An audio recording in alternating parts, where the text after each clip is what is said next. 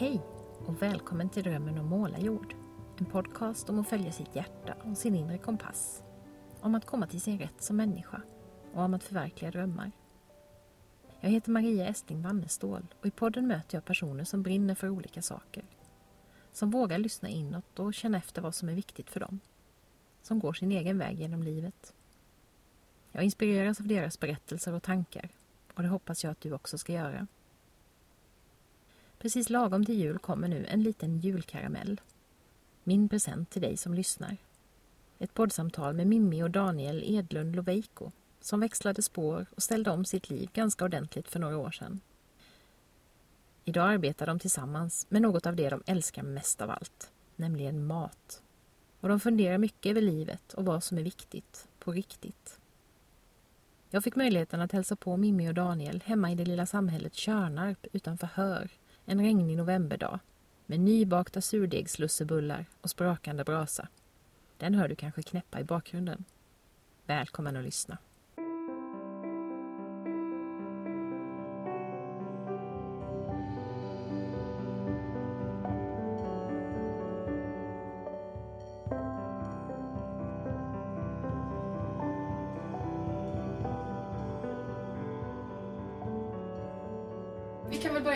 Incheckning även om vi har Mm. hängt en stund här nu, Ja. så är det alltid lite bra att stämma av hur läget är just nu. Jag vet ju att du Mimmi har varit uppe och bakat i natt. till exempel. Ja. ja, jag mår jättebra idag. Mm. Och det är så skönt att kunna säga det för det är inte, det är inte jättevanligt. Nej. Det kommer sådana dagar men idag är verkligen en jättebra dag Mm. trots att jag har varit vaken hela natten. Men det är det, jag har varit vaken hela natten och det har varit självvalt för att jag har Ja. gjort någonting som jag tycker väldigt mycket om. Och stått och bakat och Och lekt surdeg och- Ja, så jag mår Lyxen jättebra. att smaka. Ja. Och jag tycker det är jätteroligt att ha dig här idag. Och vi har fått lite städat, även om det inte ser ut så. så det är också bra. Så jag mår bra. Mm. Hur är det med dig Daniel? Nej men jag mår bra, men det är lite, jag är lite inne i en period liksom där jag jämför mig med ett träd hela tiden. Ja. Eh, nej men alltså att ja, de har tappat alla löven och dragit ner all energi till rötterna. Ja. Och jag känner att jag kommer in i det att inte vara så utåtagerande, vara lite mer sluten och vara lite mer, ja, rota mig ännu mer egentligen. Och, så där är jag nog i sinnesstämning Mm. lite konstant just nu. Mm. Det där känner jag igen, för det, har jag, det märkte jag förra året. Vi pratade ju om omställningskonferensen här nu innan vi Mm. satte på mikrofonen.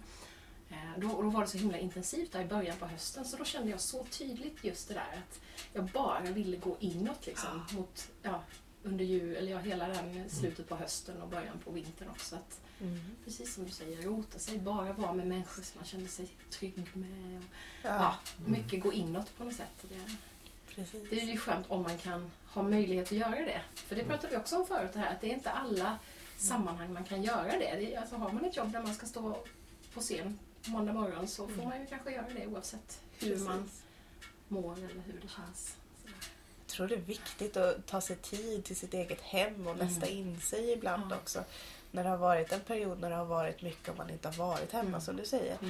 Och bara få liksom gå hemma, ta tag i den där tvätthögen eller bara få plantera om den där krukan med den halvdöende blomman. Ja. Alltså sådana grejer kan vara Just så oerhört viktigt också. Och det kan bli, vi har upptäckt också att det kan ju bli roligt då. Mm. För när det, när det känns jobbigt så är det ofta för att man inte har tid att göra det och det bara blir ett dåligt samvete. Precis. Jag tänkte på det när jag var hemma med min yngste son eh, när han var bebis. Och jag hade så mycket tid. Och, ja, men då var det plötsligt kul med tvätten och det kul att skotta snö. Sånt där som jag tyckte var aptråkigt annars. Men bara för att jag hade tiden. Ja. Och då blev det nästan som en slags meditation att gå där med sockan där. Och, Mm. ja, men, ja, det är ganska häftigt att man kan vända på perspektiven. Att det är inte det är inte en konstant utan det är- beror Mm. på så mycket eh, Mm. hur vi upplever saker och ting. Mm. Men det är då många gånger när folk frågar hur hinner ni göra allting det Ja. gör? Så brukar jag alltid säga det att ja, men kom hem till oss så får du se hur städat Ja. För att det är där det trillar ihop först liksom. Ja, ja. Ehm, för att det är det man prioriterar bort. Att, Ja. ja. nej. Och då nu är det så skönt att man kan ta sig tid till att städa lite Ja. och plocka lite och sortera ut lite. Nu går vi och laddar för Minsk Game också. Ja, Så jag tittar på allting med nya ögon. Att, oh, kan det inte vara första januari snart så jag kan få börja sortera bort saker December. hemifrån? December. December. Vår adventskalender kommer Jaha. vara att rensa ut Åh, lika många saker för Just varje dag som det. går. Just det. Ja. Det gjorde min dotter för några år sedan. Det var då jag fick, inte detta här mikrofonstativet, men ett annat mikrofonstativ fick jag av Ah. när hon, en Ja. dag när hon skulle rensa tre Ja. grejer tror jag det var. My, mycket bra. Någon, Mycket bra. någons skräp, någon annans skatt. Mm. Ja. Ja, men det är fint. Jag måste bara inflika med, med trädet som Daniel sa. Vi pratar ju väldigt mycket om vårt liv i årstider. Liksom, Mm. Att vi följer årstiderna. Så nu är det ju det där att dra in energin till rötterna. Liksom. Ja. Planera och rota och ladda för nästa säsong. Liksom. För när våren kommer då kommer vi inte vara inne alls. Nej. Då är vi där ute liksom, i trädgården och så här, bygger upp saker och gräver och skopar och skyfflar och Mm. röjer och planerar för, för odlingar och laddar för sommaren och allt vad sommaren kommer innebära. Så vi följer verkligen årstiderna. Mm. Det tycker jag är jättehäftigt också när man, man får någon sån rytm i sig själv som stämmer Mm. överens med Precis. världen runt omkring. Ja. Ha, jag tänkte faktiskt att jag skulle be er beskriva varandra. För det är ju inte alla som känner er, även om ni är världskändisar här i Tjörna och Sösdala med omnejd. Ja. Vill ni säga? Varsågod Mimmi, Mimmi, du får börja säga. Vem är Daniel? Mm. Oh, Daniel. Han är ju den vackraste människan i världen och han är en väldigt, väldigt varm person och många missuppfattar honom för att de tror att han är väldigt hård många gånger innan de har lärt känna honom. Han är ganska tystlåten och inåtvänd när han är bland folk. Men han tänker och funderar och vänder och vrider på saker. Och sen så när han väl säger någonting så är det ofta genomtänkt och någonting som han har funderat på länge och analyserat och han tycker om att, att ge ett annat perspektiv på saker och kommer någon med ett perspektiv så måste han komma med ett motperspektiv Mm. bara för att liksom hjälpa folk att tänka ett steg till. Och du är väldigt mån om andra människor.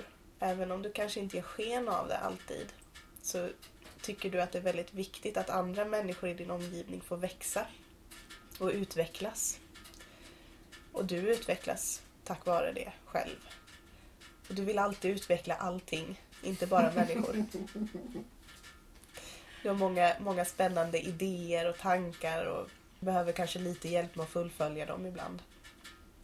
Men du, du är spännande. Känner du igen dig i den beskrivningen? Ja, det tror jag nog. Ja. Men det är ju, ja, det är alltid speciellt att höra någonting om sig själv. Ja. Ja. Och nu sitter jag och tänker igen och funderar, vem är Mimmi? ja. Eh, nu sa hon ju det så fint så nu måste jag ju liksom... Kommer måste någon form av- här. Jag har någon tävlingsgen i mig. Eh, men framför allt så känner jag väl att eh, men Mimmi är känslospröt liksom. Hon kan känna in precis allt. Mm. Och hon kan njuta av det minsta i världen. Samtidigt som det största liksom. Men det är liksom att bara att hon tar en tugga mat liksom så kan hon beskriva den tuggan så oerhört mycket och med så mycket inlevelse. Och med så mycket så att jag bara, oh men det här måste jag också göra. Ja. Så hon är väldigt inspirerande tror jag. Och hon tycker om att gå längst fram och tycker om att vara i centrum. Och tycker om när hela världen snurrar runt henne lite. Sen eh, är hon ju ändå väldigt analytisk också och diskussionsbenägen. Dels att hon diskuterar med andra för att vända och vrida på saker på samma sätt och, som jag egentligen. Men sen också att väldigt mjuk i diskussionen när vi diskuterar saker väldigt, väldigt djupt. Eh, vänder och vrider på det för att förstå Ja. om världen och hur allting ser ut. Du är väldigt energisk och väldigt lat. Du är nog den energiska människan jag känner och den lataste människan jag känner. Liksom. För vill du någonting, då gör du det. Så är det bara. Eh, Så en vilja av, eh, av rang liksom. Mm. Vill du inte göra någonting så är du den lataste människan jag känner. Eh, Ja, nej nu kommer jag inte på mer. Nu, det får räcka. Du ler så att jag tror att jag har lyckats. Känner du igen dig? Jättemycket. Ja, han, han kan dig. Motivationsstyrd till Ja, tusen. det. Vad fint. Jag hörde något så fint när ni beskrev varandra i ett annat sammanhang. Eller du, Mimmi, du sa så här att Daniel sätter ord på mina känslor och jag sätter känslor på Daniels ord. Och då, då grät jag nästan. Det var när jag lyssnade på podden. Vi hade varit med och cyklade genom skogen. Det var så otroligt vackert sagt tycker jag. Ja men det stämmer. Det är ju någonting vi har kommit fram till nu efter åren tillsammans också att vi är så himla viktiga för varandra. Ja. Av Mm. den anledningen. Mm. Ni kompletterar varandra Mm. så väl. Mm. Ja. Men det kan ju vara efter ett sammanhang där vi kommer och Mimmi har en känsla av att mm, det är någonting som är annorlunda. Liksom. Hon känner in någonting Mm. från en person eller från en plats. Och så kan jag komplettera att jo, nej men den personens rörelsemönster var lite annorlunda. Mm. Den var nog lite spänd av någon anledning. Och så kan vi på det sättet ändå konstatera att ja, men det var en normal situation på något sätt. Eh, och det är också en sån där del liksom där vi pratar och kompletterar varandra. Mm. Så att även om vi alltid är tillsammans så har vi alltid någonting att prata om ändå. Mm. För att vi kan fördjupa Ja, oss. alltså vårt gemensamma intresse är ju att förstå människor. Det är ju en av de Ja. största grejerna liksom, som driver oss. Att förstå hur människor fungerar, varför de gör sina val och sådär. Mm. Och hur vi kan på något sätt påverka eller vara en del av eller sådär. Ja, jättespännande. Mm. Så sitter vi ju nu i ert hem som också är ert företag, eller hur? Mm. Ehm, Vill ni berätta vad betyder den här platsen för er? Och hur hamnade ni just här? Det var en slump att vi hamnade just här faktiskt. Och jag är väldigt glad över slumpen. För slumpen är väl ingen tillfällighet, tänker Ja, just det, det kan man ju diskutera. Ja. Slump eller ej? Precis. Ja. För att vi hade ju pratat, eh, vi hade börjat prata om att den dagen när Daniels pappa inte längre finns, att vi skulle flytta ihop tillsammans med Daniels mamma. Att vi skulle starta någon form av generationsboende av något Mm. slag. Ha en gård eller någonting pratade vi om. Och inte jättelång tid efter vi hade börjat prata om det så gick Daniels pappa bort.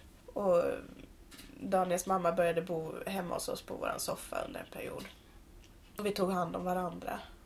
Och så råkade vi hitta det här stället på, på Hemnet. Det var egentligen ett av de första ställena vi hittade. Mm. Det låg rätt i prisklass. Det hade de förutsättningarna som vi då tittade efter. Och så åkte vi och tittade liksom på vinst och förlust. Och det var ju inte så mycket för världen det här stället. Det var ett omöblerat kallt hus, lite fuskbyggt och lite sådär. Ja, det såg ju inte så mycket ut för världen. Men vi följer pladask Mm. för det här stället. Det har en, en liten stuga på, på tomten. Den har, det har lite odlingsyta och, det har nära till tåg och det finns en skola i byn och sådär. Så att vi, vi behövde inte tänka så mycket egentligen innan vi tog det beslutet. Alla var väldigt överens om Mm. att det här känns ju bra. Liksom. Mm. Det här känns rätt. Priset är rätt också. Vi kan ju... Ah, vi kör liksom. Mm. Så att det tog inte många dagar för oss att bestämma oss. Vi la ett bud och köparen tyckte att det var väl okej. Det kör vi på. Mm. Det blev inte ens någon budgivning. Nej, just det. Vad skönt. Ja. Och vi fick det. Vi fick inflyttning någon, några månader senare och så skulle vi flytta två hushåll och så hamnade vi här till sist. Men det var ingen av er som hade någon koppling till den här byn eller så? tidigare? Nej, men vi ville väl tillbaka till skogen. Mm. Eh, så att vi hade väl tittat Det liksom var det som drog. Ja. Ja, men och bo kanske runt Växjö eller något sånt. Eller, Det var ju på ett sätt synd om ni då att inte ni hamnade där. Det hade ju varit jävligt trevligt. eller hur? Men någonstans så blev det väl liksom att här börjar skogen i Skåne. Ja. Eh, och därför passade det nog oss väldigt bra att Mm. vi känner oss hemma i skogen då. Tror jag. Skånes mitt. Här finns liksom alla förutsättningar. Det är nära till allting i hela Skåne. Vi, Mm. har, vi har en timmes resväg till tre olika stora städer i princip.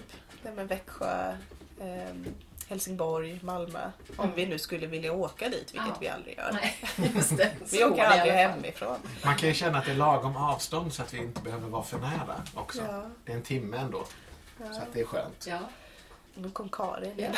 Skuttade runt lite. vi har haft med poddhundar i de senaste två avsnitten. Är det så? Faktiskt. så det, var, det hör liksom till nu. Vi måste nästan ha det i varje avsnitt. Ja. Ja. Men vi flyttade hit och så hade vi liksom helt plötsligt, vi gick från två rum och kök till åtta rum. Det är alltså åtta rum i det här Mm. huset. Och det var ju jätteknäppt att få det så stort helt plötsligt. Och vi har ju ändå gått de här åren nu och undrat vad sjutton vi ska ha alla rum till. Mm. Stort och svårt att upp, värma upp och alltså det är ju kallt och ruggigt egentligen. Men vi har verkligen eh, bestämt oss för att det är vårt hem, det är vår Mm. borg och det är här allting händer. Ja. Så nu, nu satsar vi ju på att bygga vår verksamhet kring vårt hem Ja. också. Och ska försöka bygga ett restaurangkök här och, och ha lite serveringsmöjligheter ute och sådär. har jag missat någonting? Det känns som att jag missar någon, någonting viktigt. Någon, någon poäng eller någonting. Ja, men du är bra på att prata. Det, det glömde jag säga innan jag Ja. beskrev Ja, dig. ja, Ja. det är jag. Och sidospår är också väldigt Ja, bra. eller hur? Nej, men jag känner liksom det, platsen i sig, det kanske, det finns ingen genomtänkt tanke med det. Nej. Men vi är här nu Mm. och då jobbar vi här och gräver här och bygger och utvecklar här. Precis, och förutsättningarna för det ni vill göra, de, de var bra här också. Mm. Ja, jag känner så. Eller Och jag menar, för hela tiden kommer vi på nya saker. Nu Mm. har vi kommit på att okej, vi behöver ju vara fler människor här. Ja. Så att om vi bosätter oss på ovanvåningen istället så kan ju nedanvåningen bli gemensamma ytor. Och så kan vi säkert locka hit någon härlig människa som vi ändå känner att bo i en vagn här också och ändå ha en gemensam yta. Och så kan vi jobba ihop, odla ihop Mm. och lyckas med mer saker. Precis, så det finns en liten dröm om något slags kollektiv Ja. Men det är en dröm som har vuxit fram. Mm. För när vi flyttade hit från början så var det för att vi skulle bli de där klassiska självhushållarna. Ja. Vi ska klara oss själva, vi behöver ingen. Och sen så har vi ju insett att vi behöver folk. Mm. För att man kan inte klara sig själv om man ska, om man ska leva i ett framtida samhälle så behöver vi faktiskt omge oss med ett samhälle som, där man hjälps åt, där man känner varandra. Mm. Så att det har ändå vuxit fram under åren vi har bott här nu. Det är tre år. Mm. Och så vi har ju så här försökt att, och vi startade en Facebookgrupp för byn för det saknades. Mm. Och så har vi liksom, vi försöker ha en liten kommunikation där vi faktiskt lär känna vil- vilka som bor här i samhället också. Och vi, vi har också upptäckt att det finns en liten krets människor som har ett omställningstänk och som, som vill förändra världen Mm. till det bättre. Liksom, att tänka på klimat och sådär. Och de människorna har vi försökt liksom samla ihop i vår lilla krets och ha omkring oss Mm. på olika sätt. Och vi försöker få hit fler sådana människor. Ja. Så det börjar verkligen röra på sig också. Och då har ju också den här tanken vaknat till liv då att fler kan ju faktiskt bo här Mm. också. Vi har det här stora huset och vi har de här visionerna om att driva verksamhet här. Vi har vårt företag. Jag börjar drömma om att starta en kulturförening Mm. Och ha den här. Kanske ha lite så här utställningar av trädgårdskonst där man eh, kanske skapar av grenar. Jag vet inte. Det är så här, visionerna är många. Det kan få lov att liksom växa och Mm. poppa upp nya Precis. verksamheter som, Precis. som får plats här. Ja. Mm. Jag vill omge mig med människor. Ja. Men det är ju som, som du säger, det är verkligen en tanke som har utvecklats. För att i Mm. början sa vi att ja, men det är bra att vi har många förutsättningar. Liksom att, när folk pratar om bug out place. Så vi bor redan här. Ja. Och det innebär att vi har alla förutsättningar för att det skulle kunna bo fler människor här ifall man skulle vilja byta tillvaro. Just det. Och som inte Och- har en möjlighet kanske att köpa ett hus någonstans eller så. Ja. Då kan man komma hit på annat sätt. Och konstatera att vi ville samla kunskap, vi ville samla möjligheter egentligen. Eh, Tror jag. Precis. Men ja, men sen är det också, man upptäcker ju saker när man bor på ett ställe som att vi upptäcker att i vår lilla by så saknas det ju en mötesplats. Det finns ingen naturlig mötesplats längre. Nej. Det finns ingen butik där man träffas. Och, ja, det skulle vara skolan. Eh, Men till och med den är hotad av nedläggning. Ja. Och då blir det liksom också viktigt på något sätt att försöka skapa en mötesplats för byn. Jag menar, och därav så blir det också att vi öppnade ett lantcafé Mm. hemma hos oss. Och helt plötsligt så upptäcker man att varje söndag så kommer samma fyra familjer och fika. Ja. Och till slut var jag tvungen att fråga, har ni bestämt träff här? ja, just det. Och de bara, nej men det var så trevligt här förra Ja. söndagen vid den här tiden. Ja, just det. Så att per automatik så har det blivit en mötesplats Ja. där folk kan träffas och umgås och lära känna varandra och kanske ses.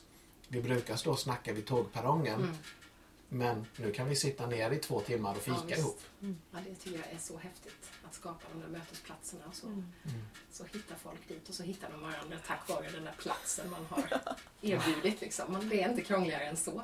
Nej. Så jag tänker med mina samtalscirklar också. Att, Mm. ja, jag bara skapar ett rum. Liksom. Ja. Hit kan folk komma och prata och sen hittar, och sen hittar de på saker på egen hand. upptäcker man då. Nej, men där kommer ju ni. Vad har ni gjort för det? Mm. Ja. Då har jag hittat varandra. Liksom. Det är Ja. jättehäftigt. Men det roliga är att vi är värdelösa på att ta oss till mötesplatser. Mm. För att då måste vi bara gå dit för att vara sociala typ. Ja, just det. Vi behöver ju en uppgift. Mm. Och här har vi ju en uppgift så det är perfekt för oss. Ja. Så kommer alla till er istället. Så Ja. kan ni vara hemma och sen Ja. så kommer de hit. Ja. Precis. Så att det passar ju liksom alla Ja, former. verkligen. Mm. Ja.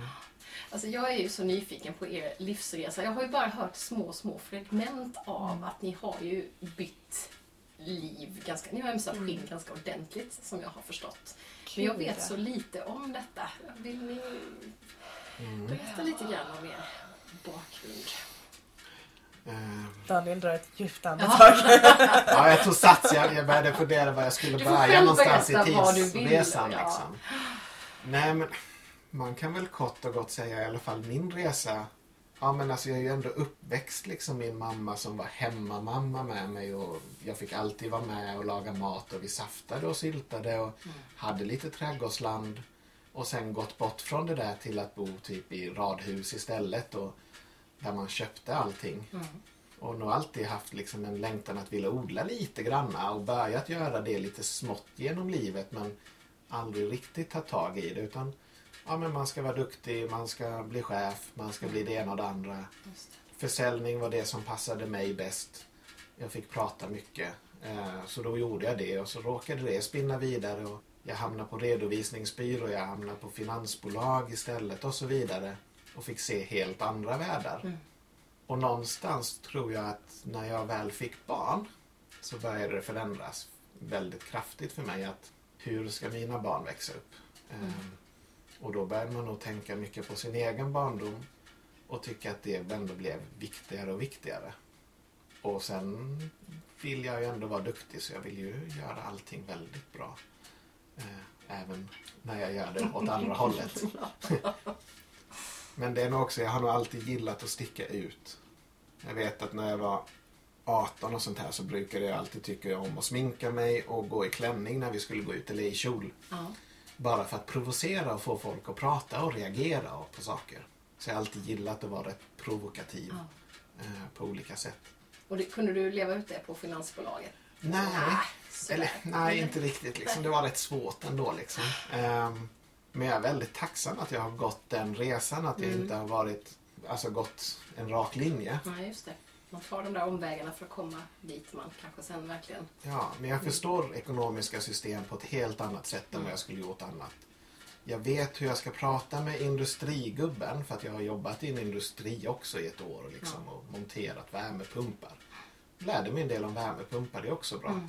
Men så att alla små erfarenheter Ja, har jag nytta av. Liksom. Just att man, man, man plockar sin väg liksom, och så Mm. kan man ta alla de där små pusselbitarna och Mm. använda dem i ett annat sammanhang sen. Ja, och det roliga är väl liksom på något sätt att vi, vi började nog ändra vårt liv utan att göra det medvetet. Mm. Vi bara råkade konstatera att vi har en bil och våra grannar inte har en bil. Ja, men vi hänger nyckeln här så kan ni ju låna den när ni behöver åka och handla. Just det. Och då är det lite roligt när Mimmis bror en gång kommer och säger till oss att ja men ni är, ni är ju omställare. Vi bara, det är vi inte alls. Vad är Ja, men- det? Ja, men ni det. lever ju permakulturmässigt. Det gör vi inte alls. Nej, Kom inte och säg vad vi. Eh, sätt inga etiketter här tack. Ja, lite så. Ja. Och när man tittar i backspegeln så konstaterar jag att vi var ju mycket mer omställare då nästan än vad vi är nu. Eh, nej men, det var... För att då levde ni i en, en värld som ändå var icke omställd och så var ni Ja. mer eh, så kanske. Ni hade Ja, men det fortfarande var ju, det var vanliga ju, jobb och sånt här. alltså, det Ja. var ju jättekontrastigt. Alltså, vi, vi var ju karriärsdrivna. Vi skulle Ja. ju göra karriär på, på varsitt håll. Och vi var ju så himla drivna framåt hela tiden. Vi hade så höga ambitioner. Och vad vi än gjorde så skulle det vara perfekt. Mm. Vi skulle prestera, högprestera hela tiden. Vilket gjorde också att jag hade ett jobb där jag högpresterade hela tiden. Mm. Och det uppskattades inte och det, det fick inte utrymme för mina kunskaper eller det, det jag var bra på. Det, gavs inte, det togs inte tillvara. Nej. Så jag högpresterade mig in i väggen på det här fina flådiga kontoret i Köpenhamn. Liksom. Och jag orkade inte gå dit mer. Och var tvungen att, att sluta där för att jag förstördes. Liksom. Mm. Jag, det tog knäcken på mig. Och efter det så var det liksom, jag trodde att jag var bra igen när jag hade fått vila ett tag. Mm. Och började jobba tillsammans med Daniel på det här finansbolaget då. Och där började jag ju sakta trissa upp tempot igen för Mm. att prestera högt Visst, för igen. det ligger som ett sånt djupt mönster i en. då. Så svårt att bryta det. Precis. Och det liksom slutade ju med en krasch till. Mm. Där det liksom inte funkade helt enkelt. Och någonstans där så var det så vi måste göra det här annorlunda. Vi, vi, vi kommer inte överleva det här annars. Daniel mådde inte bra för att han trivdes inte med det han gjorde. Jag mådde inte bra för att jag höll på att stressa mig sönder och Mm. samman för någonting som egentligen inte gav mig någonting. Just det, vad är det man sliter för så Precis. mycket? Ja. Den där osynliga moroten. Den, Ja. eller nej, den, den icke-existerande moroten som man springer efter. Pengar. Ja. Det var inte ens det vi strävade efter. Vi ville göra ett bra jobb. Mm. Och så just det där som du beskrev, att du inte, det uppskattades inte det du gjorde. För det känner jag igen från universitetsvärlden. Att det Mm. jag kände att jag var bra på, det var inte det de ville ha mig till. De ville ha mig till helt andra saker. Det blev en sån Mm. himla konflikt i mig då. Att men jag vill göra det här, jag vill bli Mm. kreativ, jag vill skapa nya saker. På projekt. Nej, nej, nej, du ska undervisa grammatik. Det är det du är bra på. Det ska du göra resten av livet. ah. Ja. Det är så intressant när man då man Ja. har så olika syn på varför man är där på något sätt. Mm. Och det tror jag, det, det sliter sönder Ja. människor. Men det, just det tar jag nog med mig mycket för min pappa var arbetsnarkoman och jag har nog samma tendenser. Mm. Men han konstaterade att det är aldrig någon som sa tack till mig. Nej. Och kan man inte ens säga tack, vad är det då värt? Ja, precis. Utan det blir liksom att människan blir en slit och slängprodukt istället som bara ska. precis. Och det, det är väl det som är skönt är att vi driver egentligen inget företag. Utan vi har gjort vårt liv till ett företag. Och om jag är arbetsnarkoman i mitt eget liv, då känns det som att då är jag på rätt ställe. Mm. Eh, För då gör du det du älskar. Exakt. Precis. och Du, får, ingenting annat. du behöver inte ha någon annan som tackar dig för det för att det är tack nog liksom att Ja. få göra det som man tycker så. Jag har ju alltid, jag har alltid haft åsikten att man brukar prata om att det finns arbetare och det finns akademiker. Men jag har alltid velat lägga till den där delen när man är entreprenör Ja. också. För jag har alltid sett mig själv som entreprenör, även redan från gymnasiet. Man hade så här ung företagsamhet och jag skulle göra glassar i penisform och sälja på Pridefestivalen. Underbart. Det var, det var min stora affärsidé på gymnasiet. Kan vi inte plocka upp det igen? Det lät rätt bra ändå tycker jag. Ja. Men jag har alltid varit där. Jag har liksom alltid letat efter de där galna idéerna som ingen annan har gjort. Nej. Och liksom inte riktigt hittat min plats där. Och jag gick naturbruksgymnasium för att jag längtade efter landet och ville ha fingrarna i jorden och djur och sådär. Men jag kom ifrån det för att det var ingenting man kunde tjäna pengar på. Jag kunde ju inte bli någon mästerryttarinna som kunde leva på det riktigt. Så att jag startade ett företag efter gymnasiet där jag skulle ta hand om folks stall och mocka åt dem när de var iväg på tävlingar. Och så liv- livnärde jag mig en period. Mm. Men det var inte heller så effektivt för att jag hade inget körkort. Nej. Jag har fortfarande inget körkort, jag är Nej. väldigt glad över det. Mm. Men, men jag tog mig vidare och tog mig förbi natur och, och hittade liksom jobba på kontor och trodde att det var min morot. Men jag hittade tillbaka till entreprenörskap Mm. och gick en, en utbildning. Och det var nog ändå den utbildningen som fick mig att öppna ögonen Mm. lite mer. För det var Var det den på Holma? Precis, precis. Jag gick på. Resilient entreprenörskap. Exakt, och den heter Ställ om Ja, nu mera. det. och är fortfarande Ja. fantastisk. och entreprenörskapsinriktad. Ehm, men den utbildningen, jag kommer ihåg att jag mådde så dåligt. Jag var i så extremt dåligt skick när jag sökte den Mm. utbildningen. Jag sökte inte ens den utbildningen förresten. Nej, Jag, jag behövde göra någonting för att jag höll på att gå under som människa. Jag var deprimerad och gick i självmordstankar och mådde väldigt, väldigt dåligt. Mm. Så jag behövde göra någonting, någon stor förändring i mitt liv. Och då sökte jag eh, allmän kurs där med omställningsprofil. Mm. För jag tänkte att jag skulle läsa upp mina betyg så att jag kunde utbilda mig till något vettigt. Tänkte jag. och då ringer rektorn upp mig och säger Men du, ska du inte gå den här resilient entreprenörskap istället? Det låter ju mer som, som någonting för dig. Jaha, vad är det? säger jag.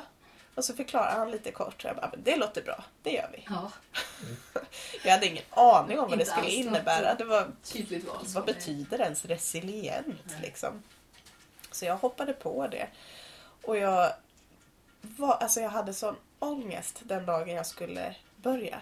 Alltså jag kunde inte stå på benen. Jag skulle ta tåget till Lund. Daniel fick köra mig hela vägen för att jag klarade inte av att gå till tågstationen.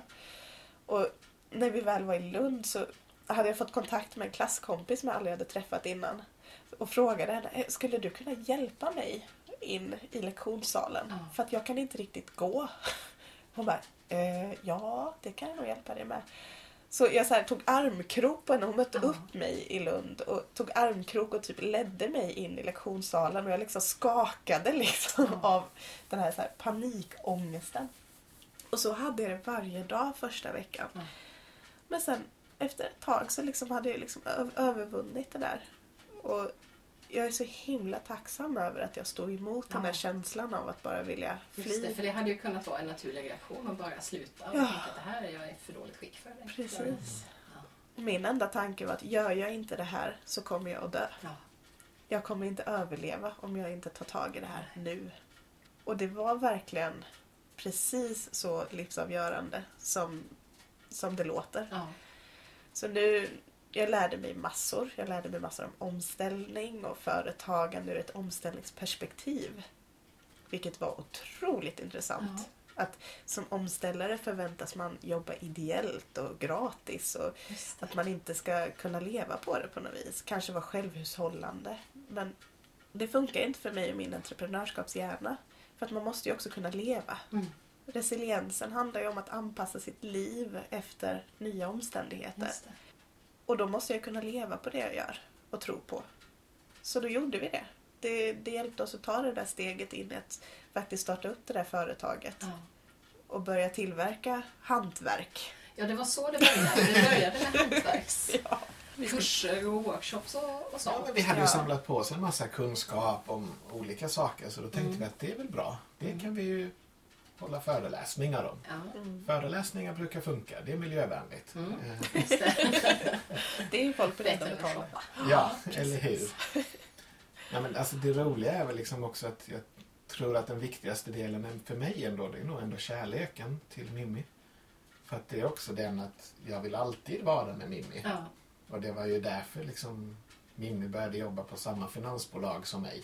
Men sen gick vi ändå liksom skilda vägar och så vidare jobbmässigt. Men ville ändå jobba tillsammans och alltid vara nära varandra.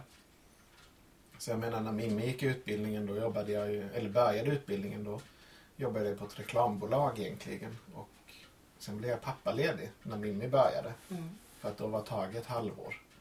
Och sen efter det så var jag såg jag till att bli pappaledig i ett år.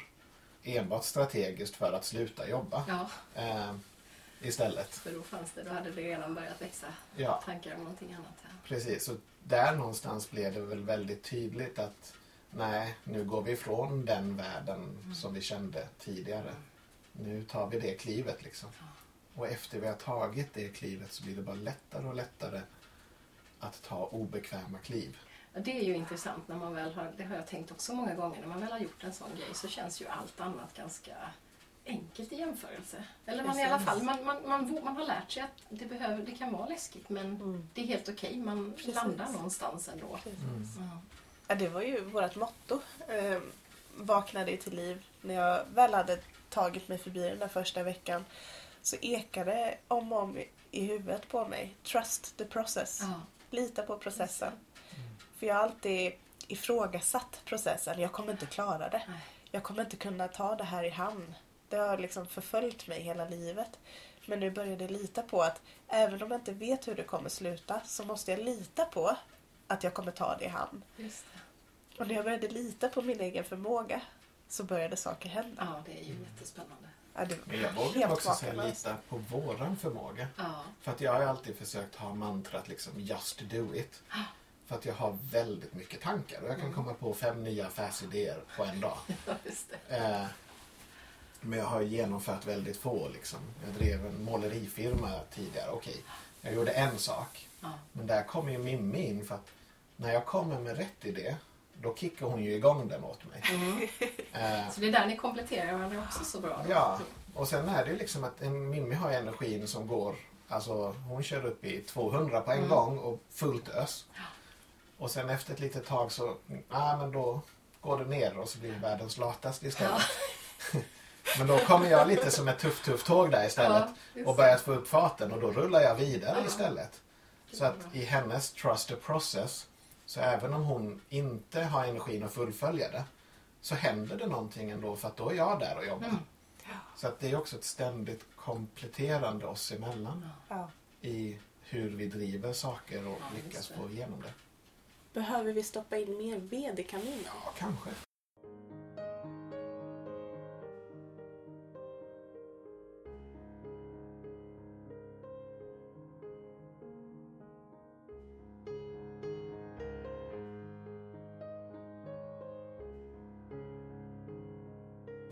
Nyfiken på var det här med mat. Då. Hur, kom, hur kom det in i bilden? För det var hantverk först. Och ni har ju en bakgrund där som allt möjligt. Men Ja, Daniel är ju utbildad kock från du början. är det från början, ja. Ja, Just det. och då skulle jag bli världsmästare till att bli kock. För att du ska ju vara bäst på allting. Ja, det Gör var allting så. så Ja. Mm. Så att jag gick ju den skolan och jag praktiserade liksom hos Leif Mannerström med hans Ja. krog på Sjömagasinet i Göteborg. Mm. Och skulle liksom... Och där tappade jag lusten. Mm. Ja, Men du, du har ju inte jobbat med det på det sättet. Och jag, jag har varit i lite restauranger men Mm. som servis och kanske på sin höjd lite kallskänk att man har hoppat in och liksom skalat lite ägg. Ja. planerat lite evenemang också som är Ja. matrelaterade. Just så att det, Så maten har ju alltid funnits som ett intresse för Mm. mig även om jag inte har jobbat eller utbildat mig inom det innan. Och sen så har vi ju kommit ifrån det. Eh, även om vi själva alltid har lagat mat tillsammans med passion. Liksom. Mm. Men sen när vi skulle göra de här hantverkskurserna så var ju tanken att vi skulle också servera en eh, närodlad, ekologisk, hemmagjord fika. Och det Mm. blev mer och mer fokus på fikan och mindre och mindre fokus på kurserna. Och vi, vi höll några kurser och vi hade några som var återkommande och som började fråga efter mer och mer fika och kanske man kan köpa till lunch också och kanske Kanske kan man köpa till så att man kan få med sig någonting hem och vi kanske kan få ha en brödbakningskurs hos er. och sådär. ja, de utvecklade affärsidén De åt oss. utvecklade något er. Ja. Så att det blev, liksom, ja, men det blev mer och mer fika och vi liksom älskade det. Mm. Och sen så kom ju då skolan då när det började gå på sluttampen när, vi, när jag nästan var färdig med, med den här ettåriga utbildningen så frågade min lärare mig om vi kunde fixa fika till ett evenemang de skulle ha. Det var 100 portioner fika under två dagar. Mm. Och jag bara, ja absolut, det fixar jag. Inga problem. Vad ska det vara för något och sådär. Ja, nej men bara någon enklare fika sådär. Någon lite matigare och kanske någon lite sötare. Och Daniel och jag bara, ja! Nu gör vi det här. Gud vad roligt, vad spännande.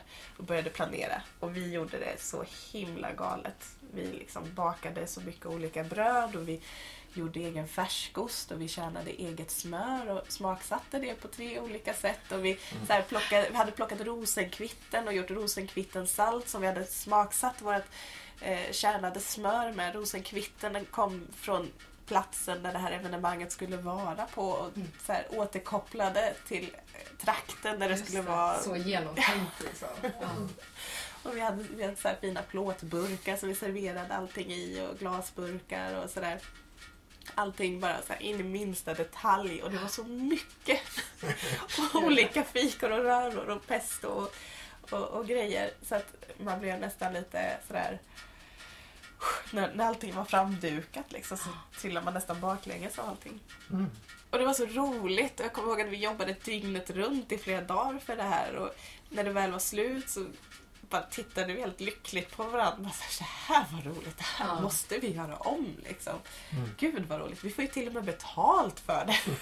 och det var ju också sådär Men en avgörande del. Ja. Det var, för det var ju då vi liksom insåg att det här är ju det vi ska göra. Mm. Folk uppskattar det här, vi är bra på det.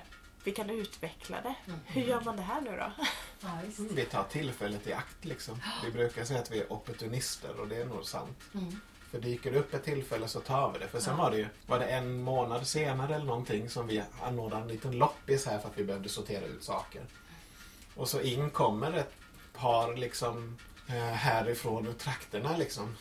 Och sätter sig och konstaterar att ja, ja men ni är lite hippies eller? Ja. Och vi bara, ja, jo, det är vi nog i kontrast till er liksom. Ja. Men trevligt att ni kom hit och titta vad ni kan hitta liksom. Kolla vad exotiska vi är. Ja, exakt. Det kändes lite så. Och så helt plötsligt sa han, ja, ja vi letar ju efter en cateringfirma. Ja, men det är lugnt, det fixar vi, sa jag. Mm. Och jag bara, gör vi?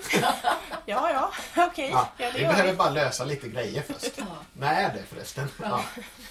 Eh, och det liksom var, men det är väl det vi tror på att vi lyckas med Ja. saker och så genomför vi det. Det uppdraget var ju också en fyra rätters italiensk lyxmeny. Ja. Mm. Där vi gick ut i skogen och plockade kantareller och vi knådade egen pasta och vi gjorde tre små soppor på, på en bricka av Mm. eh, brända träskivor som vi hade stått och sågat till och, och stått och bränt och slipat och oljat in. Och vi åkte runt i hela Skåne för att hitta vaktelägg för att kunna ha i den här lilla nässelsoppan. Och vi hade så här eh, tryffelglaserade fröer på våran blomkålssoppa. Alltså det, var Ja. så här, det var också en sån där in i minsta detalj Ja, matlagning där vi la så mycket kärlek i alla moment. Men jag tror det är också att vi fick få utlopp för vår kreativitet upptäckte vi. Ja, Alltså vi har ju väldigt mycket kärlek till mat. Och jag menar, från det första gången jag åt Mimmis mat, då fick jag inte vara i köket för att ingen fick vara i samma kök som Mimmi när hon lagade mat.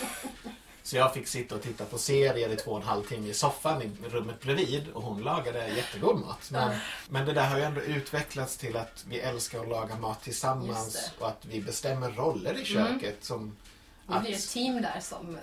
Ja. Ja, och, och, det är liksom, och vi har vidareutvecklat det. Jag, jag bestämde när våra barn föddes att de ska aldrig behöva äta köpebröd. Mm. Brödindustrin, nej tack. Och jag skulle baka knäckebröd och gjorde nog 17 olika misslyckade försök på knäckebröd som blev för salta, blev för hårda, blev för mjuka, blev inte fluffiga. Ja, bara för att jag ville ändå. Det kunde jag inte baka innan så då Nej. måste jag lyckas. Mm. Och så helt plötsligt när vi ändå står och lagar mat hemma till oss så blir det ju liksom kreativt men vi får inte riktigt den uppskattningen för att ja, det är vi som äter den. Vi vet ju Mm. vad det är. Våra barn äter den och de ja, uppskattar inte alltid vår mat tyvärr. Nej. Känner jag också igen. Ja. Men så helt plötsligt när vi fick laga mat till någon annan så Ja. kunde vi vara precis så kreativa vi själva Just ville. Och någon annan uppskattade det Mm. vi gjorde. Den energin vi la in i det kom tillvara till Ja. någon annan. För att de fick energi av det de åt. Precis. precis. Det är ju det där med att komma till sin rätt, liksom. att vara där man faktiskt får utlopp för det man vill och Exakt. få Mm. någonting tillbaka för det också. Ja. Och det är så skönt att få vara den där mellanhanden för att det finns många bra odlare. Mm. Men de är inte alltid bra säljare av sina Nej. mat, alltså sina produkter. Eller de tycker inte det är kul ens. Liksom. Det är ungefär som att starta företag och tro att man måste göra bokföringen Ja, själv precis. fast man inte gillar det. Nej. Och där är liksom att vi får presentera de här fantastiska odlarnas råvaror. Det är fint det. tycker jag. För att ta det i rätt ordning. Ja. Där någonstans så började vi också bestämma att det ska ju vara lokalodlat. Vi ska ju Mm. stötta det lokala företagandet för att vi tror ju på den här gemenskapen i närområdet. Och vi tror ju också på entreprenörskapet och det Mm. hållbara entreprenörskapet. Så då började vi liksom se oss om. Vilka finns här? Vilka håller på med mat på olika sätt? Att föda upp eller odla eller... Och vilka gör det på ett bra sätt? Så vi började ta kontakt och vi följde upp tips och sådär och det var jättesvårt i början. Mm. Och då upptäckte vi det här med rekoring. Att där har vi ju en ingång liksom. För att om inte vi kan leta upp så kan de leta upp rekoring. Mm. Och därigenom så har vi också, tack vare att folk har samlats kring en utlämningsplats så har ju vi kunnat nätverka och hitta de Precis. olika. Just det. Jaha, du odlar vattenvattpumpar du, ja, men vad trevligt. Mm. Det ska jag lägga på minnet. Ja. Odlar du någonting mer förresten? Ja. Hur mycket har du sa du? Ja. Mm. Men det har ju också resulterat i ja, men vissa som kanske bara odlade lite förra året har börjat tänka att ja, men jag kan odla lite till. Mm, För att det nu verkar finns det som någon att... som- Ja, Vill ha, ja. precis. Och är det någon som hör av sig till oss, har ni användning för de här morötterna? Det är ju bara såna här små pluttisar som jag rensat Just det, bort. som du satt och gjorde häromdagen. Ja, exakt. Men det där är Jag liksom... säger ju aldrig nej till sådana saker. Nej. Jag, säger, jag kan alltid du vet, konservera eller förädla på något sätt och ha användning för det sen. Så att om någon har någonting så säger jag i princip alltid ja. Ja. Ja, ja, jag har alltid användning för det. Om någon sitter liksom med Ja, jag har 58 kilo tomater som håller på att ruttna bort. Ja. Ja, ja, men vi, vi tar hand om det. Vi fixar eh, tomatpuré, det, det har vi alltid Ja. nytta av. Ja, så- Eller som de 70 kilo jordgubbar. Ja, Fast- Som dök upp bara på ett bräde, eller? Ja, men de, Ja, höll lite på, så. de, de höll på att liksom ruttna bort och vi bara, ja men hur mycket kan vi köpa? Ja, men 70 kilo kan vi köpa. Och så bara, Ekologiska jordgubbar. ja, och så konstatera, okej, en liter är ett halvkilo. Så det är alltså Just det, 140 140 liter jordgubbar. Vi har en frys Ja. med jordgubbar nu. Ja. Som vi efterhand gör jordgubbssylt av Ja. nu. Men det är det. Så konstaterar vi att ja, men vi är ju självförsörjande på sylt Mm. numera. Ja. Vi kommer ju all, alltså, självförsörjande för oss är ju att vi har nätverket. ja, precis som man måste inte producera allting själv utan Nej, man, precis. man har kontakterna ja, och vet vad det Och det är liksom så skönt, just tänker det liksom att det måste inte vara ett företag utan det kan vara att man odlar morötter. Mm. Och i år så var det ett bra morotsår för Ja. just den personen och de fick mer än vad de behövde. Just det. Då kan de dela med det till andra genom att de går genom oss, att Ja. vi köper det, förädlar det och Precis. serverar det till någon. Precis. Och då blir det det här att man, man använder det som finns istället för att hela tiden tänka att ja, vi vill ha det här och det här och det ska alltid se likadant ut och då måste vi, om inte det finns här så måste vi köpa in det utifrån. Ja. Så istället utgår man från okej nu är det ett morotsår, det Ja. mycket morötter i år. Eller Ja. Nu var det ett jordgubbsår, då blir det mycket jordgubbar. Precis. Det är ju ett väldigt fint sätt att tänka. Vi har ju också lärt känna en kille som bor här i byn som är ute och går i skogen mycket med sin hund. Och han sa ah, jag har plockat så mycket kantareller nu, jag har inte plats för det längre.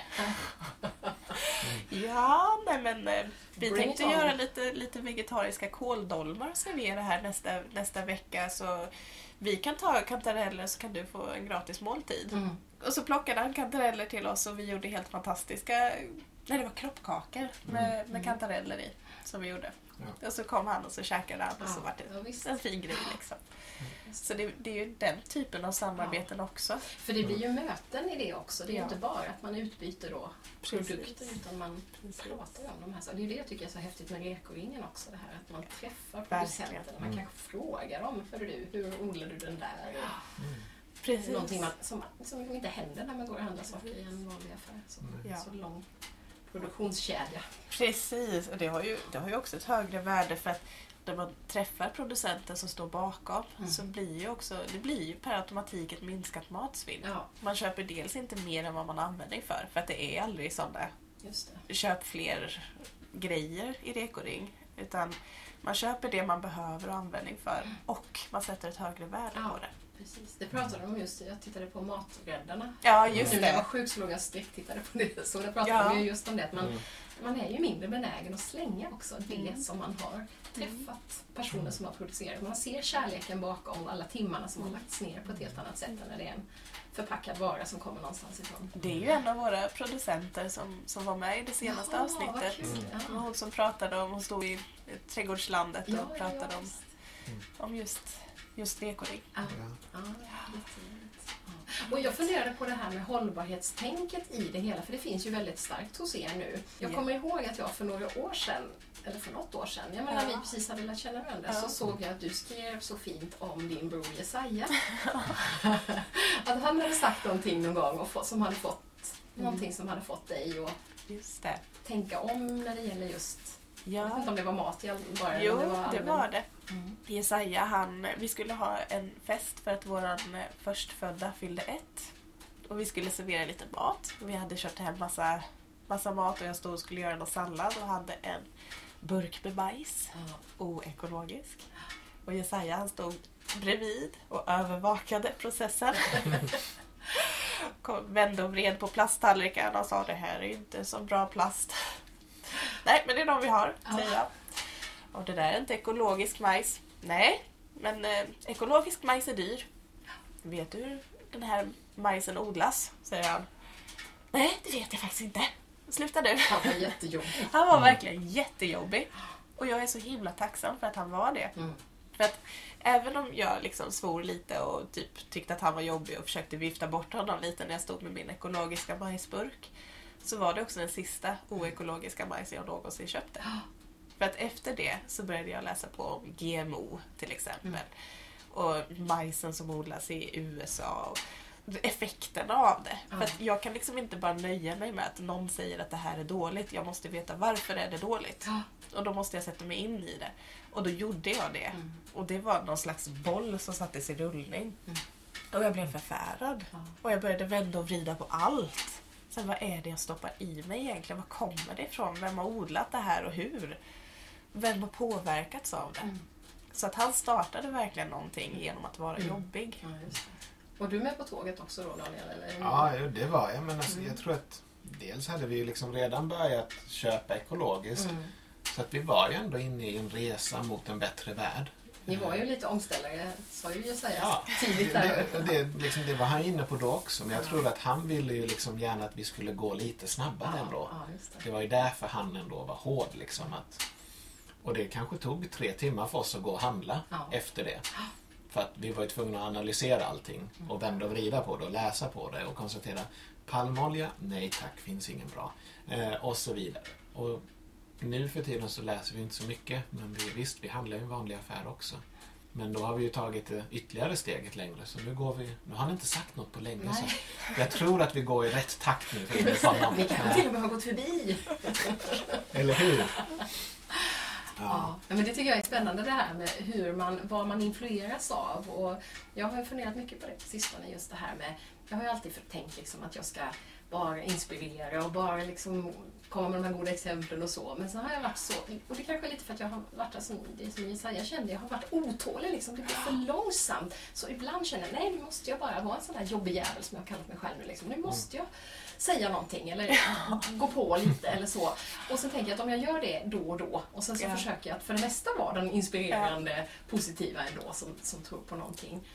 Att det ska bli någon schysst balans i det. Men, Du- för det är ju svårt. Du har jag. ju inspirerat mig till att vara jobbig också. Har du, har du gjort det? Vad jag kul, jag trodde det var du som hade inspirerat mig. För att det här med, med att stanna på jorden. Jag har ju läst dina inlägg om det. Mm. Och jag tycker att det är så kloka saker du har sagt om det. Och jag, jag flyger ju inte och jag har aldrig gjort det. Jag har inte reflekterat så mycket över varför eller sådär. Men jag började göra det Mm. efter att jag började läsa dina inlägg om det. Och sen så började jag inse att nej, men det är ju självklart. Liksom. Mm. Så här kan vi inte hålla på. Liksom. Och då började jag också bli lite jobbig Mm. på den fronten. Just det. Och det är så roligt att se hur stötta folk blir. Ja. Även de som kämpar för miljön kan Mm. tycka att flyget borde vara okej ändå. Och där blir jag lite provocerad Mm. och då blir jag jobbig. Ja, och då tänker jag det att alltså, ibland tror jag, jag tror ju att mycket bör komma på inspiration, att man ska vilja, för det är ju det mycket Ja. omställningsrörelsen handlar om. Man ska hitta det och man ska brinna och liksom tänka på en bättre värld och försöka kämpa mot den då. Men, men att man ibland också behöver bli skiträdd eller förbannad eller som du blev där när du började läsa på om det här. Att man Precis. behöver det också. Det, för en del säger att nej men rädsla är aldrig bra, en bra drivkraft. Men ibland tror jag att det är det. Eller dåligt samvete, det har jag Ja. diskuterat här nu. Får, får jag komma och vara sån här moralpolis då som Ja. säger att nej, jag tycker inte det är okej att flyga annat än i vissa fall där det verkligen kanske är motiverat. Och sådär. Men balans. någon balans Alltså det, det, där. är ju det. Man, måste, alltså, man ska ju inte bara vara rädd och man Nej. ska ju inte bara blunda för Nej. allt som är dåligt. Precis. Man ska, ha lite, man ska vara lite rädd men Mm. man ska inte drunkna i Nej, för det är ju det också. Man kan ju bli förlamad av klimatångest och känna att ja, det spelar Precis. ingen roll vad jag gör. Och då har man ju Precis. inte nått in liksom. Då, då blir det ju någon slags motreaktion istället. det. Precis. Det, är lite fingertoppskänsla där. Ibland vet Ja. jag, ibland känns det som att jag lyckas jättebra. Ibland känns det Ja. som att nej, där gick det inte bra. Precis. Där var det någon som Ja. skitförbannad. Men det där är liksom, ibland är det bra att någon blir skitförbannad. Ja. Jag Ja, reagerar ju positivt om, Ja. alltså kanske, Ja. om någon skulle trycka till mig lite, liksom, ah, men varför gör du så här? Mm. Alltså då kan jag ju reagera. Ja. Det kanske jag inte hade gjort annars. Så att Just det.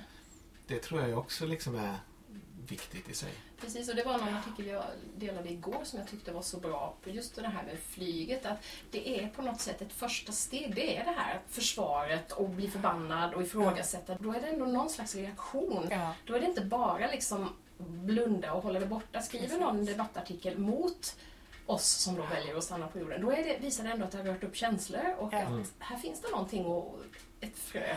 Och en dag så kanske den här personen är den som går i bräschen för någonting annat. Att det, Precis. det finns sådana exempel. Ja.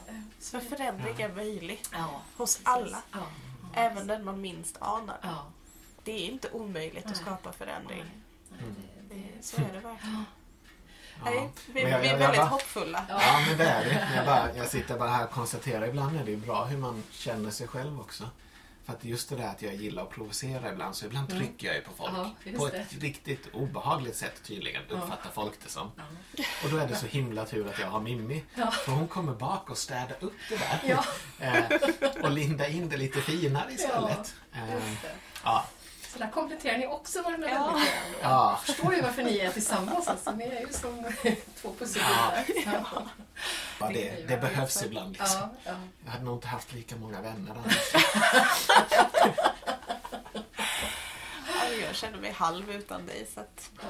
Ja, Men du får ju någonting att diskutera i alla fall. ja, Ja, eller det är hur? Så att- Ja, det.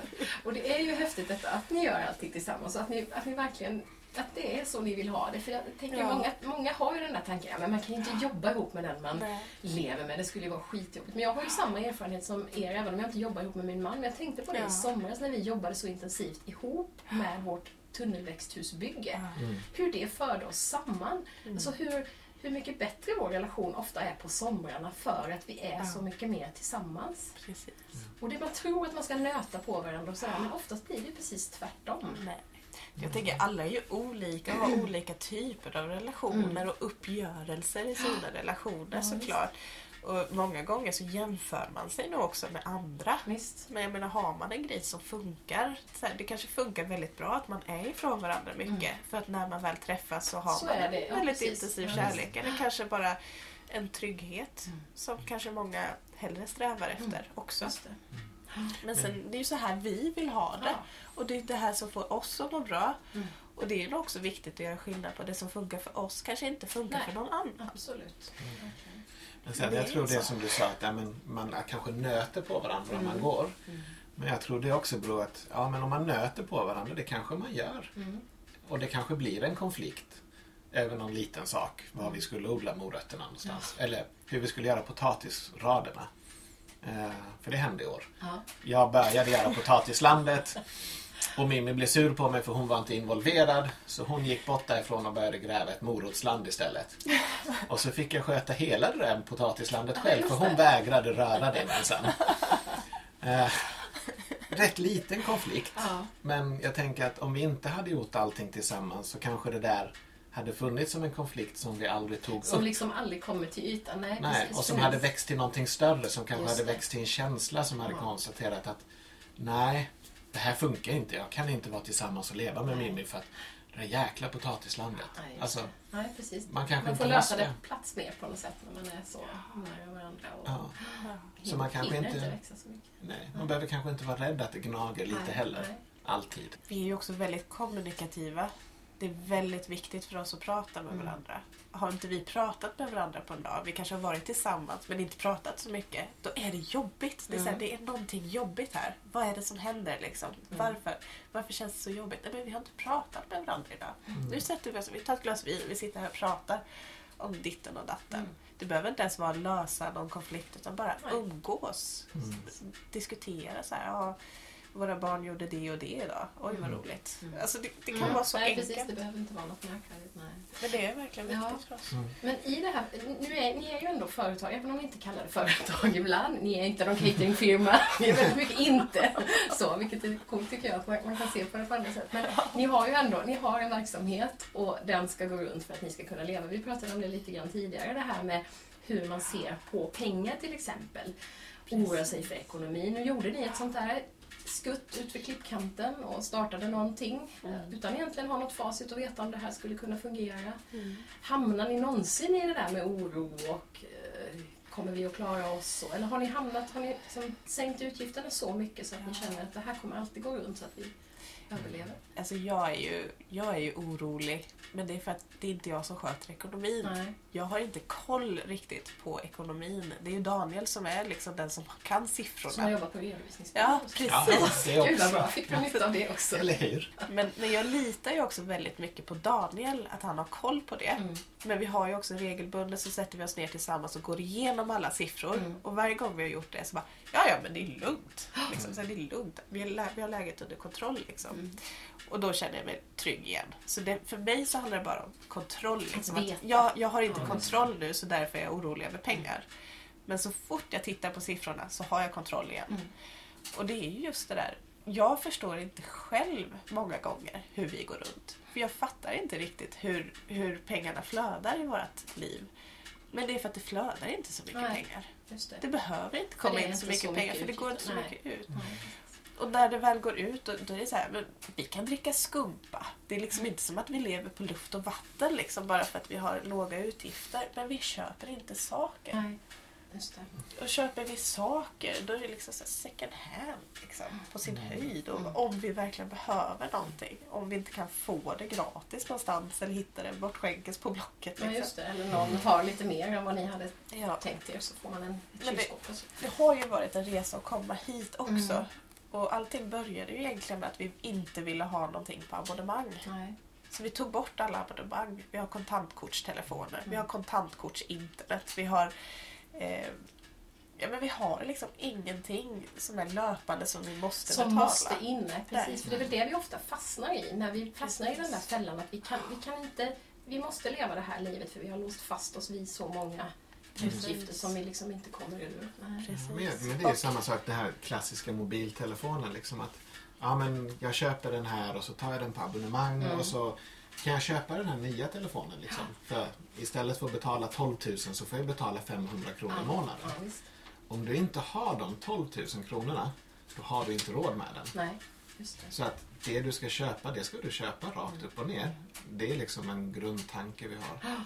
Eh, Det finns inte någonting annat. Nej, och då blir det inte några oförutsedda utgifter heller. Utan då, ja, men då sparar man tills man har råd med det man behöver. och Precis.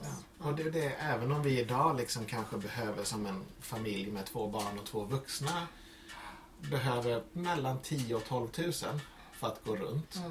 Det är liksom vad vi tycker är lagom. Så kan vi minska det mer ifall vi måste. Mm. För att det är Ja. bara att ta bort alltså mobilabonnemangen och så vidare. Och så- Vi har liksom ingenting vi är låsta vid. Nej. Vi amorterar på huslån, för huslån har vi. Men vi amorterar mycket mer än vad vi behöver för att vi vill ha bort lånen inom åtta år. Ja, just det. Ehm, Så där kan vi också minska om Då vi skulle det- behöva. Ja, just det. Så att skulle vi verkligen så kanske vi hade varit nere på att vi behöver 5000. Mm. Och det här är ju, det, för de allra flesta låter ju det här som fullkomligt, man kan inte ta in det liksom, att det är möjligt att leva. Ja. Eller hur? Man är så, alltså jag Ja. tycker ju vi lever billigt men vi har ju ändå massa sådana fasta grejer som, Ja. vi, som vi drar in Mm. pengar till. Så. Jag tänker ibland också att det kanske är skillnad sen när barnen blir lite äldre. Mm. Nu är barnen så pass små, de har inte så höga Nej. krav heller. Visst. Och när de blir tonåringar så kan jag tänka mig att de kommer vilja passa in som alla andra Mm. barn vill göra. För de Mm. kommer behöva söka efter sina identiteter och, och då är det nog tufft att ha hippiemamma och hippiepappa som inte vill. Men då tänker jag också Fråga att... mina barn. Ja, jag kan tänka mig det. Men det är klart att vi vill ju ge dem rätt förutsättningar för att kunna göra sina egna val Ja. också. Ja. Och då kommer nog läget se annorlunda ut för oss, tror jag. Och det är ju också viktigt på något sätt att man inte heller bestämmer att nu gör vi någonting och så här ska det alltid vara. Utan att man hela tiden kan, det pratar jag mycket om i det där kompassnavigerandet, liksom, att det handlar ju om att ha kontakt med sig själv. Och hur ser det ut nu? Och hur, vad behöver jag eller vi just Ja. nu för att vi ska må bra och fungera och så vidare. Och inte då. För det finns ju en risk när man har hoppat av liksom, Ja. någon slags ekorrhjul eller cirkus. Att man, man, nu har vi valt vår, vår livsstil liksom, och nu Ja. måste det alltid se ut exakt så här. Och det kanske det inte gör om fem år. Kanske ni vill någonting annat. Alltså, Nu tror jag inte att ni kommer att... Det verkar som att ni Vi, vi kommer vilja någonting annat, Någonting men kanske annat. inte det du förväntar Nej, dig. nej, precis. Eh. Nej, men just det här att man, att man får lov och man inte låser fast sig vid nya mönster som man sitter fast i. Liksom, utan hela grejen är det här att man ska kunna Ja, men, styra det om det så att man trivs med det. Ja. ja, men jag tror det. Och Jag tror att det är bra att uppleva alla olika delar också. Ja. För jag menar, bara för att ta ett steg tillbaka ändå, när vi var de där karriärstrivna, då hade vi väl liksom 50 000 plus i månaden. Mm. De pengarna, de lyckades ju försvinna på något Eller sätt. hur? Man, Jag vet inte det. hur. Nej, det har jag också tänkt. Eh. Hur sjutton var det när jag hade så mycket pengar? Liksom? Ja. Tog de vägen någonstans? Exakt, men jag är ju inte Ja, jag lyckligare, eller jo, jag är lyckligare nu än vad jag var då. Ja. Men jag kommer ihåg Men att är ju- spontanköpte ett Xbox. Mm. Så här, med alla extra kunde. tillbehör. Ja. Liksom. Och det, jag tänker på det, jag var så här dåligt. Jag Mm. tänker på det. Så här bara, Ja, men det där blir väl bra. Ja, men då har ni ingenting som är lite mer fancy ändå. Mm. Mm. Så här. Ja, just det. Man- Det fanns ju ingen begränsning liksom på det Nej. sättet. Nej, man behöver inte vara den där medvetna konsumenten då Nej. som tar ställning till exempel utifrån ett hållbarhetsperspektiv eller så. För att allting är ju, ja, men det Ja. inte, för det ju, kommer ju med att tänka hållbarhet och omställning kommer ju också att det faktiskt är billigare. Alltså visst, Ja. ekologisk mat är dyrare kanske Ja. ibland. Mm. Inte alltid. Men, eh, men annars så är det ju en livsstil som, Ja, alltså, samtidigt som man minskar sina fotavtryck så sänker man ju sina kostnader. Precis. Det är radikalt när man inte flyger, när man inte köper Precis. nytt och, Mm. och så vidare.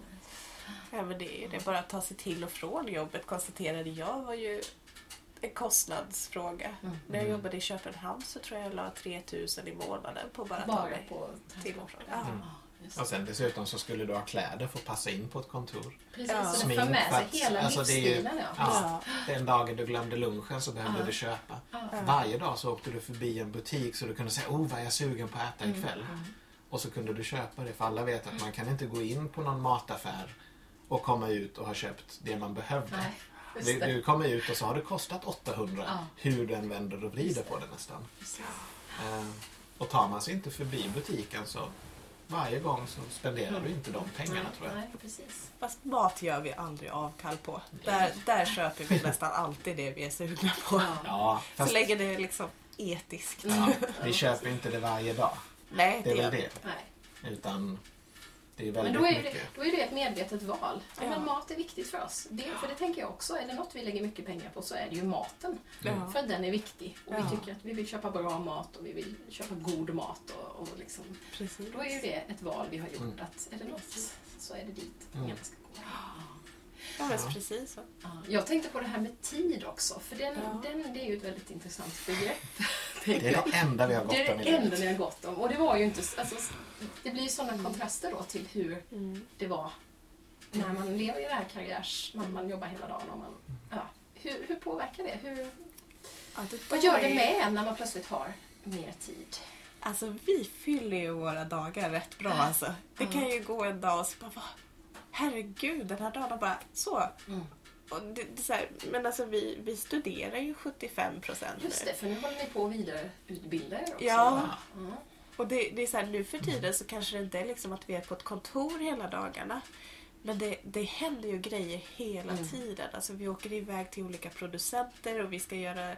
Ja, men vi vi så här, utforskar eh, platser som vi ska göra jobb på. Vi, eh, vi gör eh, marknadsföring. Alltså det, det är så här, vi gör ju saker Mm. hela tiden som kretsar kring företaget.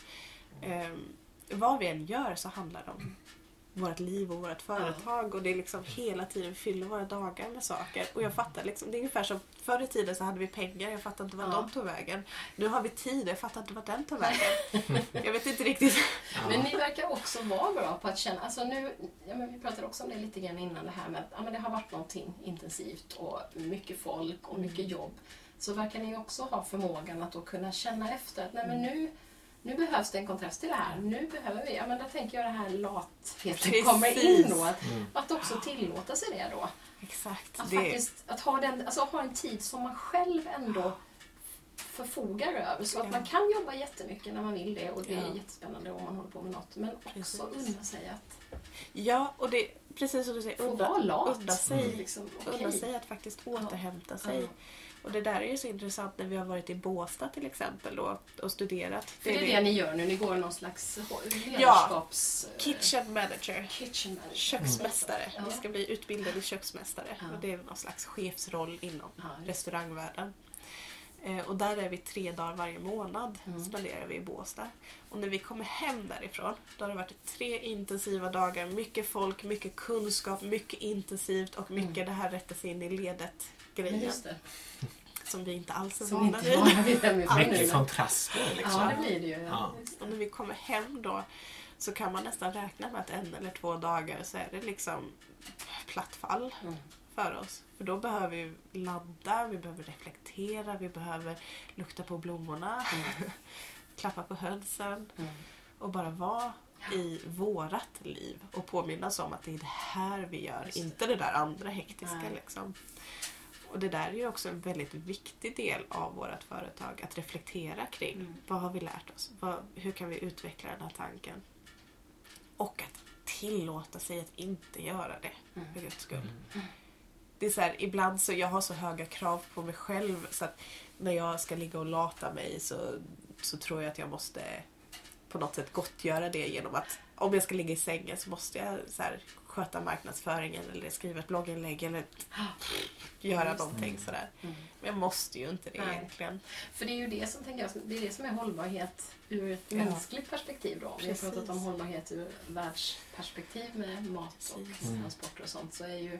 Alltså, om, även om vi, som människor också. precis, för gör vi en massa bra saker för världen och sen så drar vi in i väggen med jämna mellanrum då, då blir ju inte vi hållbara. Och då, Det är ju det. ändå. Vi måste njuta. Mm. Vi är livsnjutare. Vi måste njuta. Och har vi haft en period när vi inte har fått njuta så mycket då får vi fylla vår tillvaro med Mm. njutningsmoment. Men jag tänker också att många gånger handlar det om att vi har, när vi jobbar och då försöker vi strukturera oss, vi har planeringslistor, ja väldigt mycket planeringslistor. Eh, det är någonting vi är bra på så det gör vi liksom. Men när vi har lat dag eller vad man ska säga så blir det också att vi kan ju göra saker men inte från en planeringslista utan vad vi känner för att göra. Ja. Vi kallar det för sunkdagar. Ja. Vi sunkar. Sunkar och ja, det, det innebär att man får göra precis vad man vill. Om man vill klä på sig finkostymen och åka in till stan, då kan man väl göra det. Om det är det man känner för. Det. Men det handlar om att man inte ska följa en agenda. Nej. Nej, Bara känn, följa det man känner. Ja. Mm. Och när det är det man känner för att gå ut och gräva upp en sten som Ja. man har retat sig på, som man aldrig haft tid att göra, så är det bra att plocka bort den stenen.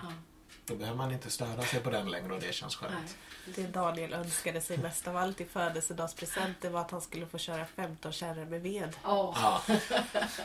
För det hade han längtat efter att få Ja. göra. Och bygga ett cykelskjul i och för sig, men det var lite överambitiöst att hinna med båda delarna. Ja, ja, Ja. det. Ja, men det, det tycker jag var jättebra för jag tänkte jag skulle avsluta med att be er, alltså om det, var, om det är någon som är i, ja, men, som känner att man sitter fast och det här känns jätte, som en utopi, det känns som ett jätteavlägset liv. Hur man ska tänka om. Jag tänkte att det här med sunkdagar skulle man ju kunna Ja. införa för det kan man ju faktiskt klämma in även i ett liv som är fullt av en massa annat kanske. För det är kanske på de där sunkdagarna som man också får fatt i vad det är man vill där inne. Eller vad tänker ni? jag, jag återkommer Mm. ju hela tiden till att reflektera kring saker. Det är så himla viktigt att börja tänka efter varför man gör saker. Och i dagens samhälle så har vi aldrig tid till att reflektera för att det bara tickar på. Men att man tillåter sig själv att stanna upp ibland. Det behöver liksom inte ta några jättelånga stunder. Mm. Ta tio minuter. Bara sätt dig ner och reflektera. Mm. Så tror jag att man kan komma en bit. För då börjar man ifrågasätta sitt eget mönster lite. Och då kan man också börja förändra. Precis. Och när man väl har börjat med det så börjar det också, då tänker jag, då kommer de där små ledtrådarna i alla möjliga Precis. sammanhang. Tycker jag Mm. att det, det händer liksom när man väl har börjat skapa de där små bubblorna Precis. Ja. Och sen också att man inte ska tro att man kan förändra allt Nej. över en dag. Utan att man får ta det ett litet steg i taget. Precis. Börja i en liten ände och inte Mm. stressa över att det är så mycket man kan göra. För då blir ingenting gjort. Börja liksom där du står. Men det är väl så liksom det första lilla steget till att plastbanta. Mm. Det är när du behöver köpa en ny stekspade och du står i affären och ska göra det. Så köper du en i metall eller trä i alla fall så att du inte behöver köpa plast eller ny. Nej. Det är ju ett steg. Mm. Och det liksom går nog snabbare och snabbare. Jag, jag är väl mycket inne på att medvetna val. Jag kan alldeles för mycket om försäljning och hur man ska lura in folk till Mm. att köpa på impuls och så vidare. Och just som Immi säger, att man reflekterar men också att man, att man tar kontrollen själv över det. För att det har man oftast inte tror jag. Utan gör medvetna val. Varför köper jag det här? Mm. Som till exempel den enklaste saken känner väl jag det, att inte spontanköpa. Nej. Vi satte upp en regel för oss själva. Att vill vi köpa någonting, en sak, så ser vi den i affären och bara oh, det här behöver vi. Mm. Så får vi inte köpa den förrän vi kommer till affären nästa gång. Just det. Då har du hunnit tänka efter, behöver jag den Ja. verkligen? Inte en gång har jag kommit på att vi har köpt någonting. Nej. Eller ens kommit ihåg vad det var vi ville köpa. För det var bara en impuls som tilltalade oss. För att de hade dukat upp ett fint bord med levande ljus. Och de där tallrikarna såg ju så fina ut där. Eller hur? Ja. Men det var ingenting vi behövde. Nej. Det var någon annan som ville att vi skulle köpa den. För att de ville tjäna pengar på oss. Mm. Och styra vårt liv. Det såg jag en skylt upp på vårt köpcenter hemma i Växjö. Kärlek vid första ögonkastet shopping. Och då blev jag så här bara, "Blä, Mm. bort med den. Nej, det, kärlek vid första ögonkastet kan vara jättebra i andra sammanhang, men inte Inte när det gäller att handla. Nej. Usch. Nej. Ja. Jag stannade upp, vi var och handlade igår på mataffären. Och sen så var det något, jag kommer inte ihåg vad det var längre. Så bara, oh det här behöver vi. Och sen så stannade jag upp och bara, behöver jag det eller vill jag ha det? Ja. Jag vill ha det, ja men då behöver jag det inte. Nej. Och så gick jag vidare. Precis, att Ja. vi har två olika röster inom oss ofta. Och det kan ju gälla helt andra saker också det här med vad är det, vad är det jag verkligen vill? Något som är, som är den där kompassen som jag brukar Mm. prata om, eller hjärtat Mm. eller så. Och sen är det det där egot som, som lätt lockas av Precis. saker som, ja det kan vara prylar eller det kan vara vägval av helt andra slag också. Men att lära, lära sig känna skillnaden på de båda rösterna och lyssna på den där som, som är Ja. Det är inte så lätt, Det är alltså. inte lätt alls. Det är skitsvårt. Det får man jobba mycket med. Ja. Det Jag känns tror som att ni har kommit långt på den vägen. Ja. Bara, nu kommer jag på en annan tanke bara. Men jag tänker att det är också på samma sätt om man vill komma liksom hit där vi är idag så är det också lätt att fastna i att jag måste odla. Ja. Men frågan är, vill du inte odla så ska du inte odla. Precis. Det finns ju andra lösningar. Verkligen. Alltså, så det är samma sak där. Att Precis. man ska inte låsa sig. Utan, Nej, och precis det här att ja, men det kanske inte, många kanske vill ha mer frihet men det här med eget företag kanske inte alls passar dem. Nej, men det kanske kan finnas andra anställningsformer där du kan ha en, en friare en friare roll i ditt yrke eller sådär. Alltså det är just det här att, Precis. man, att hitta sitt, sitt sätt att göra det på. på. Mm. Och så kan man få inspiration från andra. Man kan hitta, så skulle jag vilja ha det, så vill jag inte ha det. För det är ju också bra att, Ja. att kunna bolla det. Liksom. Men, men Ja. det är återigen tillbaka till det här medvetna valet. Det är jag som bestämmer Mm. detta. Det är inte någon annan. Jag bestämmer om jag vill odla eller inte. Jag Ja. bestämmer om jag ska vara företagare eller inte. Ja. Precis. Jag brukar ändå säga att den där utbrändheten var det bästa som kunde hända. Mm. just det. Ja, men det är ju ofta så. En, någon typ av kris Ja. skapar också utveckling och nya möjligheter. Precis. Ja. Jag är så jätteglad för att jag har fått komma hit till er idag. Jag har haft en helt fantastisk dag och fått äta de underbara bullarna och fått lyssna Men du ska på er hem. kloka. Ja. För gulliga. Tack så hemskt mycket Mimmi och Daniel. Tack, Tack själv.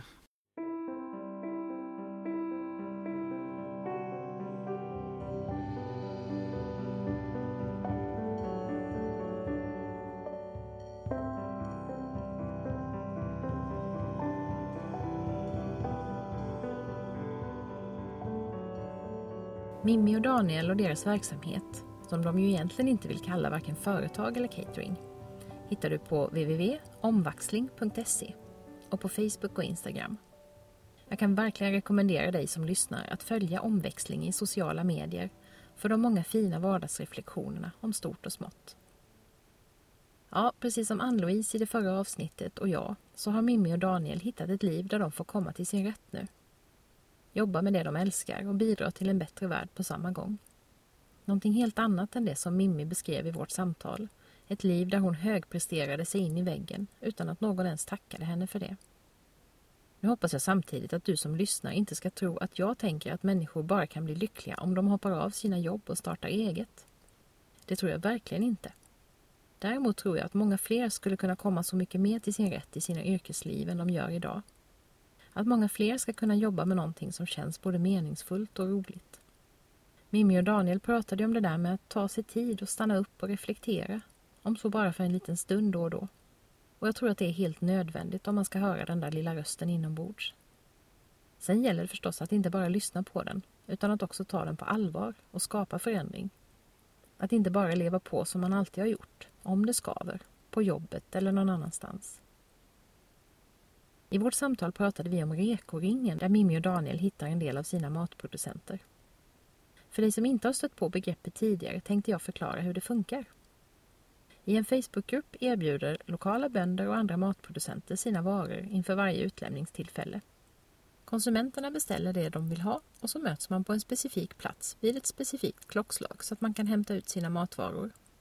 I Växjö där jag bor fick vi en rekoring i somras och jag har handlat från den nästan varje gång sedan dess, ungefär varannan vecka. Det känns fantastiskt bra att kunna handla lokalproducerat utan mellanhänder. En helt annan känsla än att köpa plastförpackad mat på Coop eller Ica. Och rekoringsfenomenet växer och sprider sig över landet. Så om du inte redan har testat, kolla gärna upp om det finns en där du bor. Eller starta en egen. Hushållningssällskapet har fått i uppdrag av Jordbruksverket att hjälpa till med etablering av nya rekoringar med målet att det ska finnas sådana över hela Sverige. Så du kan gå in på hushållningssällskapet.se rekoring om du vill veta hur man gör för att komma igång. Och vill du se hur det går till på en rekoring så rekommenderar jag sista avsnittet av tv-serien Maträddarna med Ann Lundberg och Paul Svensson. Titta gärna på hela serien förresten. Den ger en väldigt intressant inblick i svensk livsmedelsproduktion och många tankar om hur vi kan motverka matsvinnet. Ja, det finns så mycket mer jag skulle vilja prata om i anslutning till det här poddavsnittet. Men vi tar det en annan gång, för nu är det dags att runda av.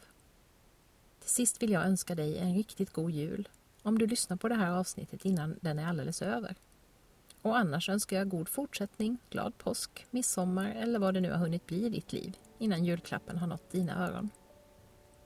Tack för att du har lyssnat idag och tack alla ni där ute som lyssnar och peppar. Kram och hejdå!